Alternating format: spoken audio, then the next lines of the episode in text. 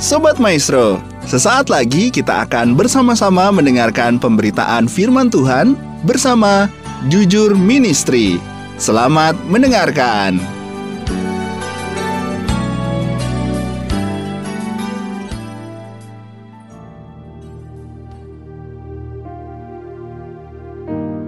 Mari kita berdoa. Bapak terima kasih buat hari ini kau baik, kau luar biasa. Hari ini kami mau belajar mendengar kebenaran-Mu. Tuhan kami bersyukur kalau kesempatan hari ini boleh kami pakai untuk mendengar firman-Mu.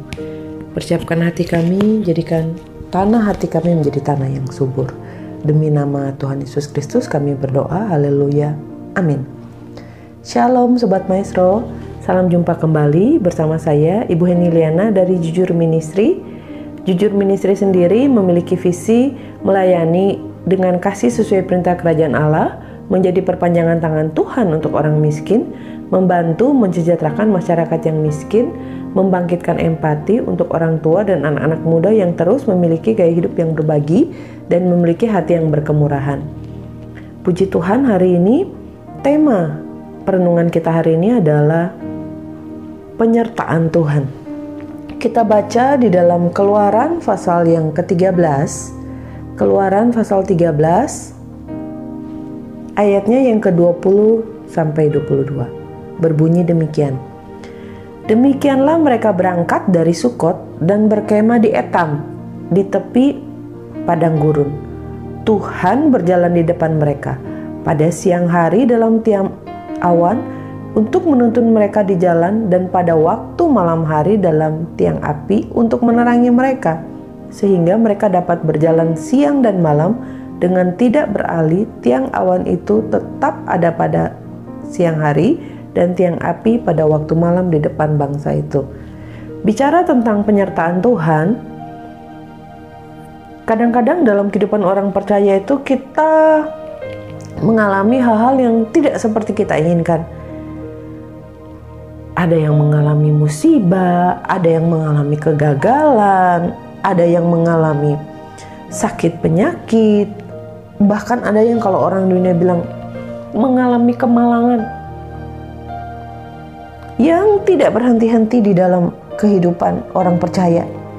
Sehingga banyak dari kita mulai bertanya, "Mana Tuhan? Mana penyertaan Tuhan?" Nah, ini yang kita mau belajar biar kita hari-hari ini kita boleh mengalami pembaharuan paradigma kita tentang penyertaan Tuhan. Bahkan kalau kita sudah mengerti dan sadar, maka kita sebagai orang percaya, percaya kita tidak akan mundur dari iman kita kepada Kristus sekalipun proses kehidupan kita berat dan sulit untuk dihadapi tiga hal apa yang kita mau belajar hari ini? Yang pertama, penyertaan Tuhan bukan berarti kita tuh hidup bebas dari masalah. Sobat Maestro, kita lihat di dalam Keluaran 14 ayat 1 sampai 2, di situ Tuhan menyuruh Musa untuk membawa bangsa Israel berkemah di pihak Pihahirot. Pihahirot sendiri itu arti dari bahasa aslinya itu artinya lembah. Jadi ada kalanya Tuhan menyuruh kita untuk masuk masuk ke dalam lembah kehidupan yang tidak nyaman. Tuhan sedang membentuk kita. Tuhan sedang mengajar kita di lembah. Kenapa? Kalau orang bilang kadang-kadang kalau di atas orang tuh kalau di atas gunung orang itu kalau posisinya di atas itu susah untuk diajar sulit untuk dikasih tahu. Tetapi kita waktu kita masuk ke dalam lembah dibawa ke tempat yang rendah di situ biasanya kebenaran-kebenaran Tuhan lebih mudah untuk didengar. Jadi sobat maestro hari ini pertama penyertaan Tuhan bukan berarti itu hidup kita bebas dari masalah tetapi penyertaan Tuhan itu membuat kita belajar untuk mengerti dan mendengar kebenaran-kebenaran Tuhan. Yang kedua, penyertaan Tuhan bukan berarti kita akan selalu hidup selalu berkecukupan, selalu hidup mewah, selalu hidup enak. Enggak. Keluaran pasal 15 ayat yang ke-24 berkata demikian. Lalu bersungut-sungutlah bangsa itu kepada Musa. Kata mereka, apakah yang akan kami minum? Keluaran 15 ini menceritakan tentang umat Israel tuh waktu mereka di padang gurun, mereka ada di Mara. Dan di sana mereka tidak punya air. Bahkan bukan tidak punya air, mereka punya air tapi airnya tuh rasanya pahit. Sehingga mereka tuh bersungut-sungut kepada Tuhan. Ini yang saya bilang, ada kalanya Tuhan bawa kita prosesnya tuh seperti di Mara, apa pun yang kita punya itu rasanya pahit, rasanya nggak enak. Mari saudara. Kadang-kadang penyertaan Tuhan itu Tuhan akan bawa kita ke hal-hal yang kita nggak pikirin. Bahkan kita tuh heran, kenapa ya Tuhan? Kenapa kok kehidupan saya tuh pahit gini? Kenapa saya tuh berkekurangan terus? Mungkin Anda sedang diajar oleh Tuhan. Untuk apa? Untuk tidak bersungut-sungut.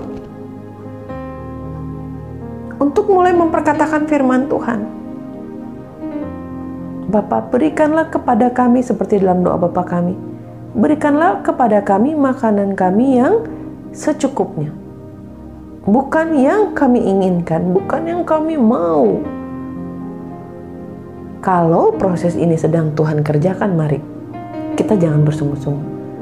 Mari kita naikkan ucapan syukur kita. Mari kita meninggikan namanya karena kita tahu sedikit atau banyak itu bukan ukuran kasih Tuhan kepada kita. Sedikit atau banyak. Tetapi asalkan ada Tuhan dan kita bisa menikmati, itu lebih dari cukup. Yang ketiga, penyertaan Tuhan bukan berarti bahwa Tuhan itu kalau nuntun kita jalannya pasti enak.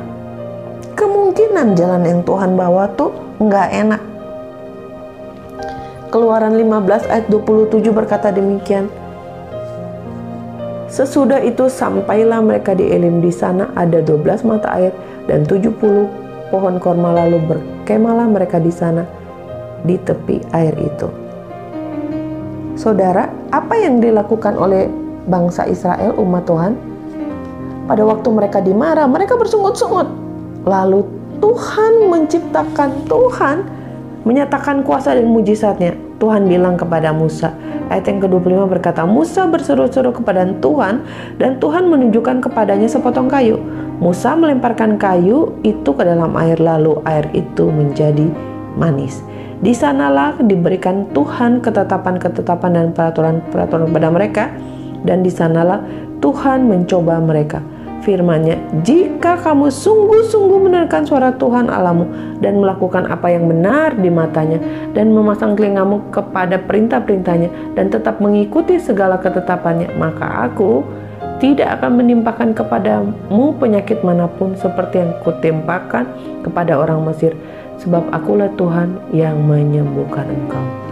Sobat Maestro, kadang-kadang waktu Tuhan bawa kita ke lembah, ke jalan, Tuhan yang gak enak menurut kita, kita bilang, wah jangan-jangan ini Tuhan, jangan-jangan Tuhan jahat sama saya, jangan-jangan Tuhan uh, Tuhan tuh meninggalkan saya. Enggak, saudara.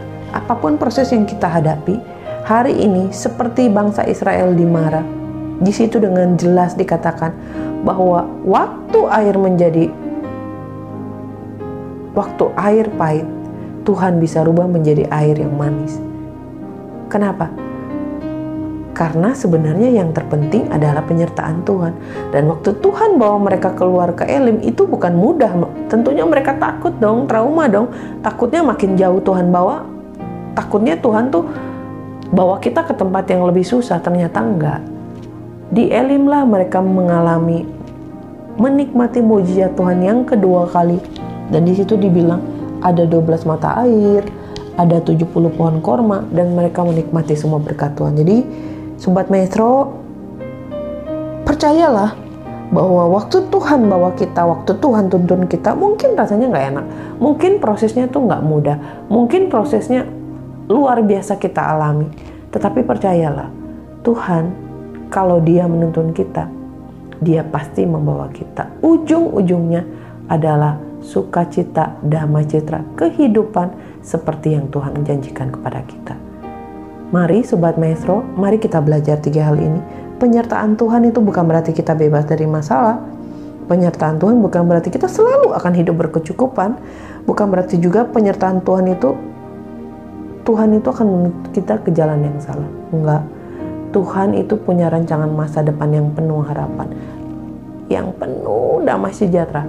Tetapi yang kita ingat adalah selama proses itu berlangsung, mari mari kita tetap melekat dan menghormati Tuhan dan ketetapannya di dalam kehidupan kita. Tuhan Yesus memberkati, mari kita berdoa. Bapak terima kasih buat hari ini kalau kami sudah mendengarkan kebenaran-Mu. Terima kasih karena Engkau mengajar kami bahwa Engkau menyertai kami sekalipun di dalam proses. Kami percaya tiang awan, tiang api itu menyertai kehidupan kami. Tuhan hari ini kami mau bilang, asal ada Tuhan dalam hidup kami, Asal Tuhan beserta dengan kami, kami percaya Tuhan tidak akan pernah meninggalkan kami.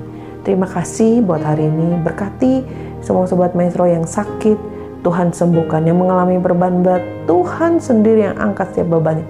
Yang butuh jalan jalan-jalan yang baru, Tuhan bukakan jalan-jalan baru. Kami percaya Engkau Allah yang ajaib, Engkau Allah yang berkuasa dalam kehidupan kami. Terima kasih Tuhan Yesus. Kami ucap syukur Demi nama Tuhan Yesus Kristus, haleluya. Amin. Terima kasih Sobat Maestro. Bersama Tuhan kita bisa. Sobat Maestro, kita baru saja mendengarkan pemberitaan firman Tuhan bersama Jujur Ministry. Terima kasih atas kebersamaan Anda. Tuhan Yesus memberkati.